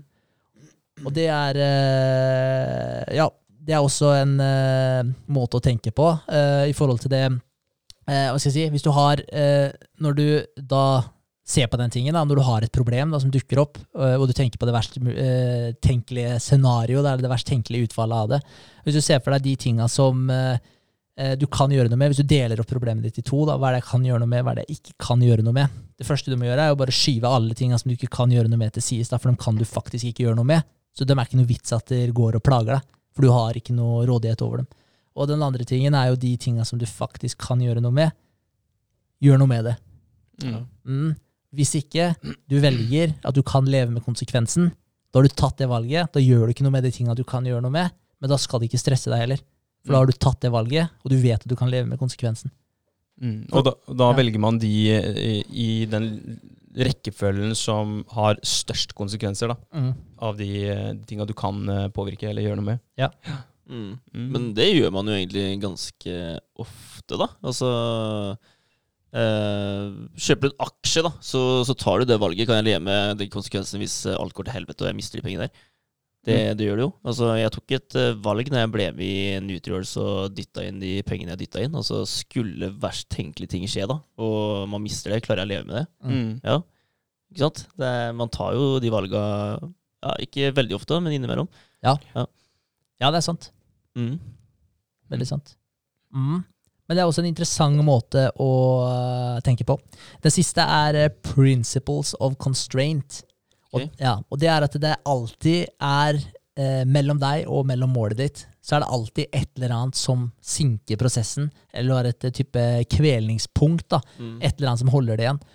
Og 80% av tilfellene så er det du, eller det er noe med deg, som gjør, som sinker prosessen. Og 20 av det er ytre faktorer. Ofte så tar man på seg den eh, offerrollehatten igjen, ikke sant, og er sånn der eh, ja, bitcher om alt annet rundt. da. Hvis bare ditten og datten og bla, bla, bla hadde skjedd, så hadde det gått kjempebra, da. Men 80% av tilfellene er eh, har med deg sjøl å gjøre. Ja. Og så Derfor er man nødt, nødt til å vende fokuset innad og spørre seg sjøl hva er det med meg som gjør at det her går såpass sakte, eller hva er det, som, hva er det med meg som gjør at eh, vi ikke har fått landa de greiene her, osv. Alltid se innad, da. Fordi eh, med all sannsynlighet da, så er det du sjøl som er årsaken til at ting ikke har gått dit som du ønska at det skulle gå. Mm. Så det er eh, også en sånn, eh, hva skal jeg si, fin måte å tenke på. Eller en bra måte, kanskje ikke fin, men bra måte Ja. å tenke på. Derfor er det veldig fint at man har eh, forskjellige mulige verktøy da, rundt omkring som man kan benytte seg av for å hjelpe seg sjøl. Men eh, alle de, alle de konseptene, da, kall det det, som vi har gått gjennom nå, det krever ganske mye. Det krever, det krever faktisk at man ikke er i bilen eller i dusjen og, og tar det litt sånn på hælen, Mm. men at man, eh, man faktisk da kanskje setter av en time i kalenderen sin en gang i uka, for å evaluere, eller om man skal sette av uh, typen en workshop for seg sjøl. Den dagen her skal jeg vie til uh, denne problemstillingen, eller uh, dette konseptet, som kan innvirke, eller påvirke, ha innvirkning på livet mitt umiddelbart. Ja. Og det er, jo, det er, jo, sånn som vi snakker om med alt mulig annet her òg. Hvorfor skal man hele tiden starte til mandagen eller neste uke eller neste år? Det er jo bare å begynne kan sette av kvarter og så ta første konseptet, se om du kommer noe vei. Og, Og, og, ta det som er eh, ligger deg eh, nærest, da. Eller det som eh, du kjenner kanskje eh, er et anker for deg i, i, noen av de konseptene her. At det er no, noe her som kunne hatt en umiddelbar, stor påvirkning på livet ditt. Fordi sannsynligheten for at du tar et av de verktøyene som jeg snakka om nå, og implementerer det ene, så kanskje du blir enda litt mer Hva skal jeg si, ja, du blir enda mer våken eller obs på mm. andre ting som du kan forbedre, og du blir enda mer effektiv, sånn at du kan faktisk forbedre det litt fortere. da. Mm. Så det blir som en uh, liten snøball. Hiver den utafor uh, en bakke, så vil den rulle og bli større og større. og større. Mm. Så um, kult, kule konsepter du har dratt fram uh, fra innerlomma i dag. Ja, ja, Det er litt å tenke på. Det er, eh, det er faktisk uh, mye food for thought. Ja. Det er det veldig. Og det er som du sier, det er tunge, tunge konsepter, egentlig, men de er ekstremt effektive da, og ekstremt ja. nyttige. Men de krever Tilbake til big balls, da. Nå mener jeg faktisk big balls. De krever, de krever litt baller. Det gjør det, altså. Og gå gjennom det der og se på det på en ordentlig måte. Og ikke minst så krever det mot å faktisk ta avgjørelsen i etterkant. Fordi hvis man virkelig går gjennom alle aspektene ved livet sitt, og man spør seg sjøl om disse tinga, det kommer til å dukke opp svar som du ikke, som du ikke vil ha. 100% så kommer det til å dukke opp svar. Hvis du spør deg sjøl hvis jeg visste det jeg vet i dag, ville jeg? Og du spør deg sjøl det med alle folka du har noe som helst med å gjøre, da. Og ja, hobbyene dine, som sagt. Da, alle de aspektene her.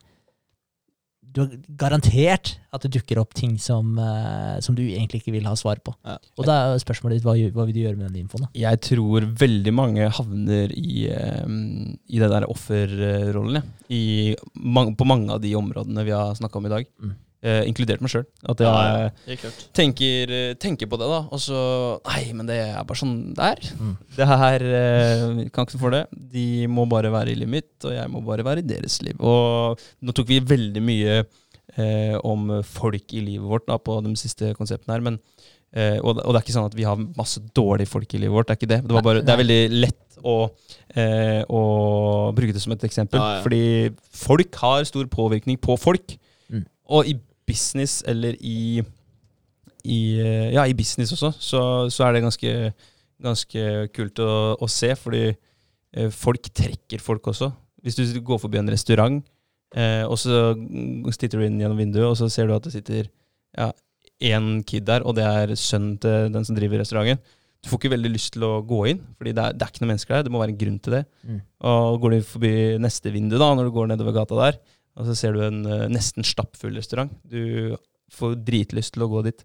Så folk påvirker folk, og folk drar folk. Uh, så du må bare finne de folka som drar deg òg, da. Ja. Uh, og sparke ut de som ikke gjør det. Ja, ja det, er det er veldig sant. sant. Krever, noe, krever, definitivt noen bevisste, noen bevisste valg. Ja, bevisste baller. ja, ja, det gjør det. Bevisste baller. Ja. Men, nei, men kult. det er verdt å tenke på, så da tenker jeg at alle burde faktisk eh, ta en liten recap på den. Og så, ja, igjen får man velge sjøl hva man har lyst til å gjøre med de svarene man får. Men det er som Jordan Peterson sa òg. Eh, han sa hvis eh, du spør deg sjøl hva er det jeg gjør i dag som jeg ikke burde gjøre, så kommer svaret jævlig fort. Mm. Ja, skremmende fort kommer svaret. Ja, det gjør det, vet du. Ja, ja. Alle, alle, får det svaret med en gang. Mm. Og det er spørsmålet ok, skal du bare drite i det, eller skal du faktisk gjøre noe med det. da? Mm. Og igjen, gjør du ikke noe med det, så er det faktisk dine egne mål da, og den fremtidige deg du fucker med. Ingen andre. Nei, Kanskje noen andre òg. Ja, ja, det kan ja, litt tilbake til det vi snakka om i stad. Kanskje noen andre òg, men ja. Det kan hende du drar noen med i dragsuget. Ja, det er til syvende og sist uh, deg selv da, det går mest utover. da. Ja. Mm. Og så er det sånn at hvis vi er reaktive hele tiden og ikke setter oss ned og tenker eh, Bare se Jeg tror også Jordan Peterson har sagt det her. Eh, at eh, Ta et, et eksempel. da. Hvis eh, du er på vei framover, eh, og og jeg sakte, men sikkert driver og, og bremser deg da, og kommer fram til deg og bare sier 'stopp, det her kan du ikke gjøre', og så stopper det opp litt. Rann. Og så begynner du å gå framover igjen, og så gjør jeg det samme sånn, i rykk og napp hele tiden. Etter hvert så vil du bli eh, Du vil bli på stedet hvil. Du vil ikke komme deg noe lenger fram. For jeg kommer fram, stopper deg, og så går jeg tilbake igjen, og så prøver du igjen, og så kommer jeg fram og stopper deg. Så blir det en vane da, at jeg alltid gjør de greiene her. Eh, og så vil du til slutt Ja, du vil ikke komme noen vei. Og, og da, da har ikke du tatt tida på å sette deg tilbake og revurdere Ok, eh, hvorfor eh, gjør André det her med meg? Eh, er det noe med meg som er feil? Er det noe med han som er feil?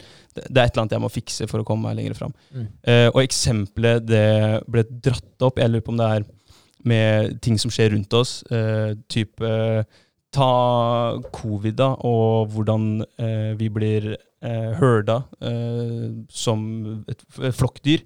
Eh, og alle skal få oss til å ta vaksinen, alle skal få oss til å bruke munnbind, vi skal gjøre ditten datten, vi skal holde oss inne, vi skal stenge ned businesser. Alt, alt blir bare prakka på oss, og så eh, blir det så naturlig, og én gjør det ene, og så følger den andre etter. Og så går det i en, i en eh, ja, litt sånn negativ spiral, egentlig. At Ja. ting bare drar det ene nedover. Og det er fordi at det ene, ene reaksjonen, eller ene aksjonen mot menneskene, eh, mot oss, eh, den blir eh, Den møter litt skepsis, og så blir den godtatt. Og så kommer det en ny en. Den møter litt skepsis, og så blir den godtatt. Og så er ikke folk eh, flinke nok til å sette seg ned og tenke er det her virkelig sunt for meg? Er det her virkelig sunt for samfunnet? Eh, du, har, du har noen som gjør det, men det er altfor få. Mm. Det er 13 000 eh, leger eh, som er med i et sånt eh, covid-spesialistforbund, da, som alle vil det beste. Eh, vil finne ut av hvordan man skal håndtere eh, situasjonen, pandemien vi er i. Og nesten samtlige blir silensa i media. Mm. Det er ganske, ganske sprøtt. Ja, Ja, det er sjukt. det er det Og, er sjukt. og vi andre vi stoler jo på de som, de som ytrer seg, og de som ikke blir silensa. Eh, og tenker at alt som står i, i mediene, og alt som blir sagt rundt oss, det er uh, the truth. Mm. Eh, og så er vi ikke flinke nok til å sette oss ned og faktisk tenke Skal man stole på, på det fra den eh, siden? Fra, fra den siden, eller eh, skal vi ikke gjøre det? Så vi må faktisk være litt grann, eh, Ja, ha litt baller og stille litt kritiske, litt skarpe og litt vanskelige spørsmål. Både for det som skjer rundt oss, men også det som har med oss sjøl å gjøre. Mm. Det er litt som uh, Man er litt uh, den uh, frosken oppi kjelen med vann, hvor varmen blir skrudd på, og du sakte blir varma opp, og så merker du ikke at vannet er varmere, eller blir varmt før du er kokt. da. Yes. Det blir litt samme, samme prinsippet. Samme prinsippet. Litt, Hva? litt inkre- ja, har du ikke hørt det? Nei, jeg har ikke hørt, Hvis altså. du setter en padde, eller en frosk, da, i en Ja. kjele med vann, og skrur på varmen, og sakte, sakte varmer det opp, så merker den ikke forskjellene, og så dauer den etter hvert, da, fordi han koker. Sykt. Ja, Så, og det er samme, det er basically samme greiene, da. Mm. Samme quote fra Warren Buffett, og han sa jo at der, eh, vaner er som en lenke som bare blir tyngre og tyngre helt til den, eller dårlige vaner, da, er som en lenke som bare blir tyngre og tyngre helt til den er for tung til å fjernes. Mm. Det er, det er samme greia. Det er den derre eh, Hva heter det? Incremental. De der små, små eh, pusher grensa. Litt Mm. og litt og litt og litt. Og til slutt så er den grensa pusha jævlig langt. Så det er som du sier, tenke litt kritisk, stille noen spørsmål, tørre å ha litt egne meninger, og ja, tørre å, tørre å ha en mening, faktisk. ja. Og det Det er krever baller. Det gjør det. Ja. Over til å kreve baller. Utfordring neste uke. Ja, Nei, i morgen, mener jeg. I morgen blir det. Ja, starte Jeg og Vegard snakka litt om en utfordring, Ja. faktisk. All right. Vi har tenkt pullups, ja. Ja. Ja. Oh, shit. Er Ja. du klar? Så Ja. da um, Jeg har uh, tenkt litt på det antallet. Vi snakka litt om antall også. Ja, det var ekstremt høyt. Uh, Ja, det var ekstremt høyt. Ja. Men jeg har uh, tenkt litt, da. Og så Jeg foreslår uh, at vi starter på 13. Og så øker vi med tre hver dag. Mm. Og det Ja. betyr at da avslutter vi på akkurat 100 på dag 30. Ok, Ja. Så vi må ta 100 pushups. Nei, Nei, 100 pullups. Ja. Ja. ja. Det, er- det kan bli utfordrende. Med Ja, det er challenge. Ja, det. det er challenge. det er det. Det er en bra challenge. Ja. Men hva tenker vi om eh, yoga? Er det noe som skal gå ved siden av, eller er det Jeg kjører yoga annenhver dag. Ja. Ja, jeg men da, jeg gjør det. da Jeg hiver meg på den, jeg. Ja. Yoga annenhver dag. Vi setter yoga annenhver dag, da. Ja. Ja. Nei, Jeg, for ellers jeg, blir- jeg, jeg trenger det. Ja, det er greit. Ja, for ellers blir det ikke gjort. Nei, nei, det, det må jeg må huke av. Det er viktig. Ja. Ja. Ellers Ja. så går det ikke. Starter i morgen. Starter i morgen. Bra. Ja. Og så karnivor, da. Den ongoing. Vi kan Yes. snart sette check på dag én der. Det kan vi. Ja. Så bra. Jævlig bra, det. Mm. Er det litt som skjer? Kult. Ja. Kult. kult. Skal vi ta gjennom- uka? Ja, Ja. på. Ja, eh, det har vært eh, jul, da. Eh, men greit nok det. Vi har jo sittet og jobba litt selv om. Vi har fått en ny avtale hvor vi skal Eller avtale, vi skal pakke for noen til uka. Det skal vi. I Fredrikstad. Så det, det er ikke så langt den gangen her. Det er deilig. Ikke at det gjør noe, det heller. Vi reiser dit vi må, vi, for å, for å få det til. Mm. Helt klart. Eh, og så har vi jo ja, funnet ut at vi må Ja, hva skal jeg si? Pivotere litt, grann, da. Ja. Tatt eh, Hva skal jeg si? Bare sett frykten i øynene og Teste et litt annet konsept Ja. også. Ja. Ja, Ja. vi må det. Så da tenker vi at vi skal Skal vi si hva vi skal gjøre, eller? Er det, det er ikke noe stress, det? Nei.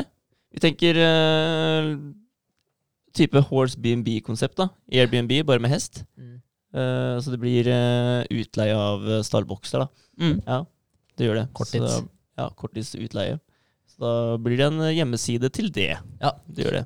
Kult. Men ja. simultaneously med pakking og, og sånt eller? Ja, så Ja. fortsetter, fortsetter den. For litt av greia der er egentlig bare at vi sliter litt med å finne helt målgruppa. Ja. Eh, og det er sånn Dritmange som elsker konseptet, syns det er sjukt bra, men det bare passer ikke akkurat for dem av diverse, diverse grunner. Og det kan være måten de fôrer på i dag er ekstremt effektiv. Det kan være at de fôrer med da, som ikke vi har noen løsning på. Det er veldig mange som gjør det.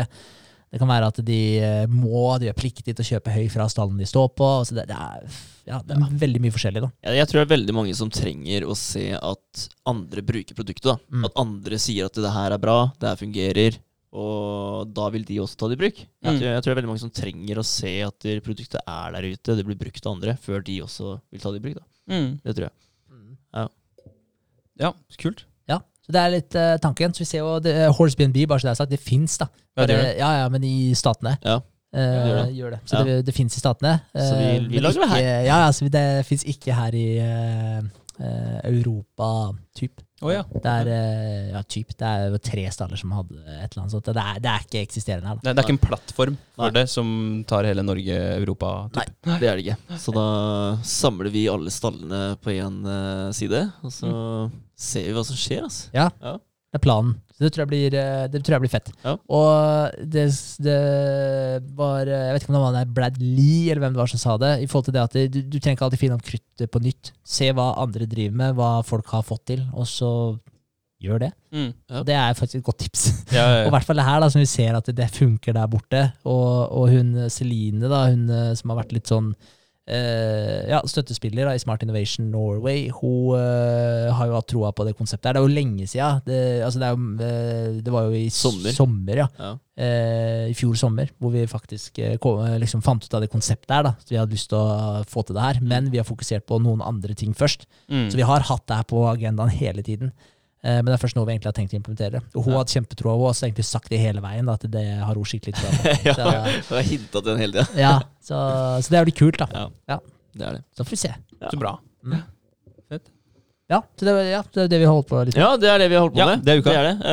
Um, ja, det er jo det. Ja, det, har- altså, det har jo vært siden som sier, jul og litt Ja, ja. tid, da, så det har Det har tatt, vært litt eh, eh, pause òg. Ja, vært litt pause. Ja. Så det, det er egentlig det. Jeg driver og skriver Eller s- sender en mail da, til alle som har lagd en bruker på appen. Mm. Ja, Bare en sånn uh, liten uh, Ja, lite spørsmål. Uh, om de er fornøyd med appen, og om det er et eller annet de lurer på. da Mm. Bare en liten hyggelig melding til de. Så går gjennom alle mailene her. Det tar tid, altså. Ja, ja, ja. Vi har ikke noe Men, godt eh, system for det, vet du. Nei, nei, Ideelt sett så skulle du bare kunne lasta ned alle mailene, og så skulle du egentlig bare kunne sendt en felles mail til alle sammen, da, og så bare skjult uh, mottakerne. Men det er det ikke på Firebase, eller? Nei, vi har ikke muligheten til å laste ned hele den databasen, dessverre. Det er ikke satt opp sånn. Det er jo sikkert noen som kunne ha koda, kunne sikkert gjort det på null komma niks, ja. that's life. That's life. Ja. Det blir på neste eh, release. Ja. Ja. Så det, det er egentlig det. Ja, uka, Eh, uka har vært, eh, vært bra med nyttår og alt sammen. Det har vært veldig bra. Ja. Da er det koselig jul. Vi har kanskje hatt pod etter jul? Hadde, vi det? Eh, Hadde vi julepod? Ja, vi hadde Ja. romjulspod, ja. Ja, vi hadde, Ja. ja. Ja. ja. Det har vært bra nyttår, da. Det er det. Ja. Så bra. Bra. Det har ikke skjedd så veldig mye. Jeg har uh, ny oppturstart på, på lørdag, så jeg har eh, fått litt leads. eh, og det er også litt sånn tilbake til det du nettopp sa, Vegard, at folk må på en måte ha sett det litt før og hatt litt kjennskap til det og blitt litt vant til det, før det blir litt eh, enklere å akseptere at det er der, eller Mm. bli med, da. Og det har jeg merka på alle de jeg har ringt til nå. Jeg har um, første runde i august i fjor. Så ringte jeg til Jeg tror det var, det var enten 50 eller 60 personer. Ja. Og fikk med eh, fire betalende. Nå har jeg ringt til eh, 15 og har med 6. Ja, ikke sant? Det er en ganske stor forbedring. Ja, Altså. det er jo sjukt bra, da. Bra. Ja, så det, det vil jo si at folk har sett det på Facebook. Eh, det er jo der, eh, der markedsføringa blir gjort. Mm. Og blitt litt eh, vant til at det har eh, dukket opp i, i, eh, ja, i rykk og napp. Og sendt henvendelse en gang, fått informasjon. De som var nysgjerrige forrige gang og ikke nå, de kanskje ikke trykker på, på at de er interessert. Eller melder sin interesse. Eh, så det, det legger jeg veldig stor merke til, og det er, eh, det er litt moro å se at det endelig er litt lettere å jobbe med. Ja, gøy. Ja, det er kult. Det er Så hjelper det jo at folk har hatt resultater og har snakka om det og, og, og sånt noe, da. Det, det hjelper. Så det, det har jeg jobba med. Eh, og neste uka som kommer, så blir det jo forberede en ny gruppe. Har oppstart lørdag som kommer. Mm. Og så blir det å ja, egentlig sette seg ned og ta, ta en evaluering av fjoråret sammen med Espen. Og kjøre litt eh, stenhardt der. Kanskje Ja. vi må ende opp med noe pivotering, vi også. Eh, for å Eller rett og slett bare skape litt moment igjen. Eh, eh, ja, Og så venter jeg på varer fra Kina, da. Jeg har bestilt 250 eh, matter. 250 strikker og 250 baller. Stemmer det. Ja. Stemmer det. Det, det er bra. Ja, det blir Da Du har vært i Fett. kontakt med shippingpartner i Sarpsborg. Bare for å promotere de litt òg. Veldig hyggelige folk. Som Ja, okay. kan eh, hjelpe med frakta fra Kina og til Norge. Ja, ja, ja. Å ja, det heter de shippingpartner? Ja. Ja, ok, ja. Jeg trodde det bare var en shippingpartner, liksom. som, nei. Heter shippingpartner Ja, partner eh, Sarpsborg. Ja. Eh, og jeg har egentlig hatt en sånn uh, eh, frykt for å, å få det shippa sjøl, for jeg tenker at det, det er vanskelig. Det er skummelt få det fra, fra, fra Kina og hit. Så jeg har liksom tenkt at nei, uh, eh, få det ferdig frakta da, fra Topco eh, i Shanghai, Mm. fra fabrikken. At dem ordner frakta. Men eh, nei, det er ikke noe stress. Det er bare å ta kontakt med et selskap som kan det her, så ordner de alt. Ja, Det det er, er, dyrt.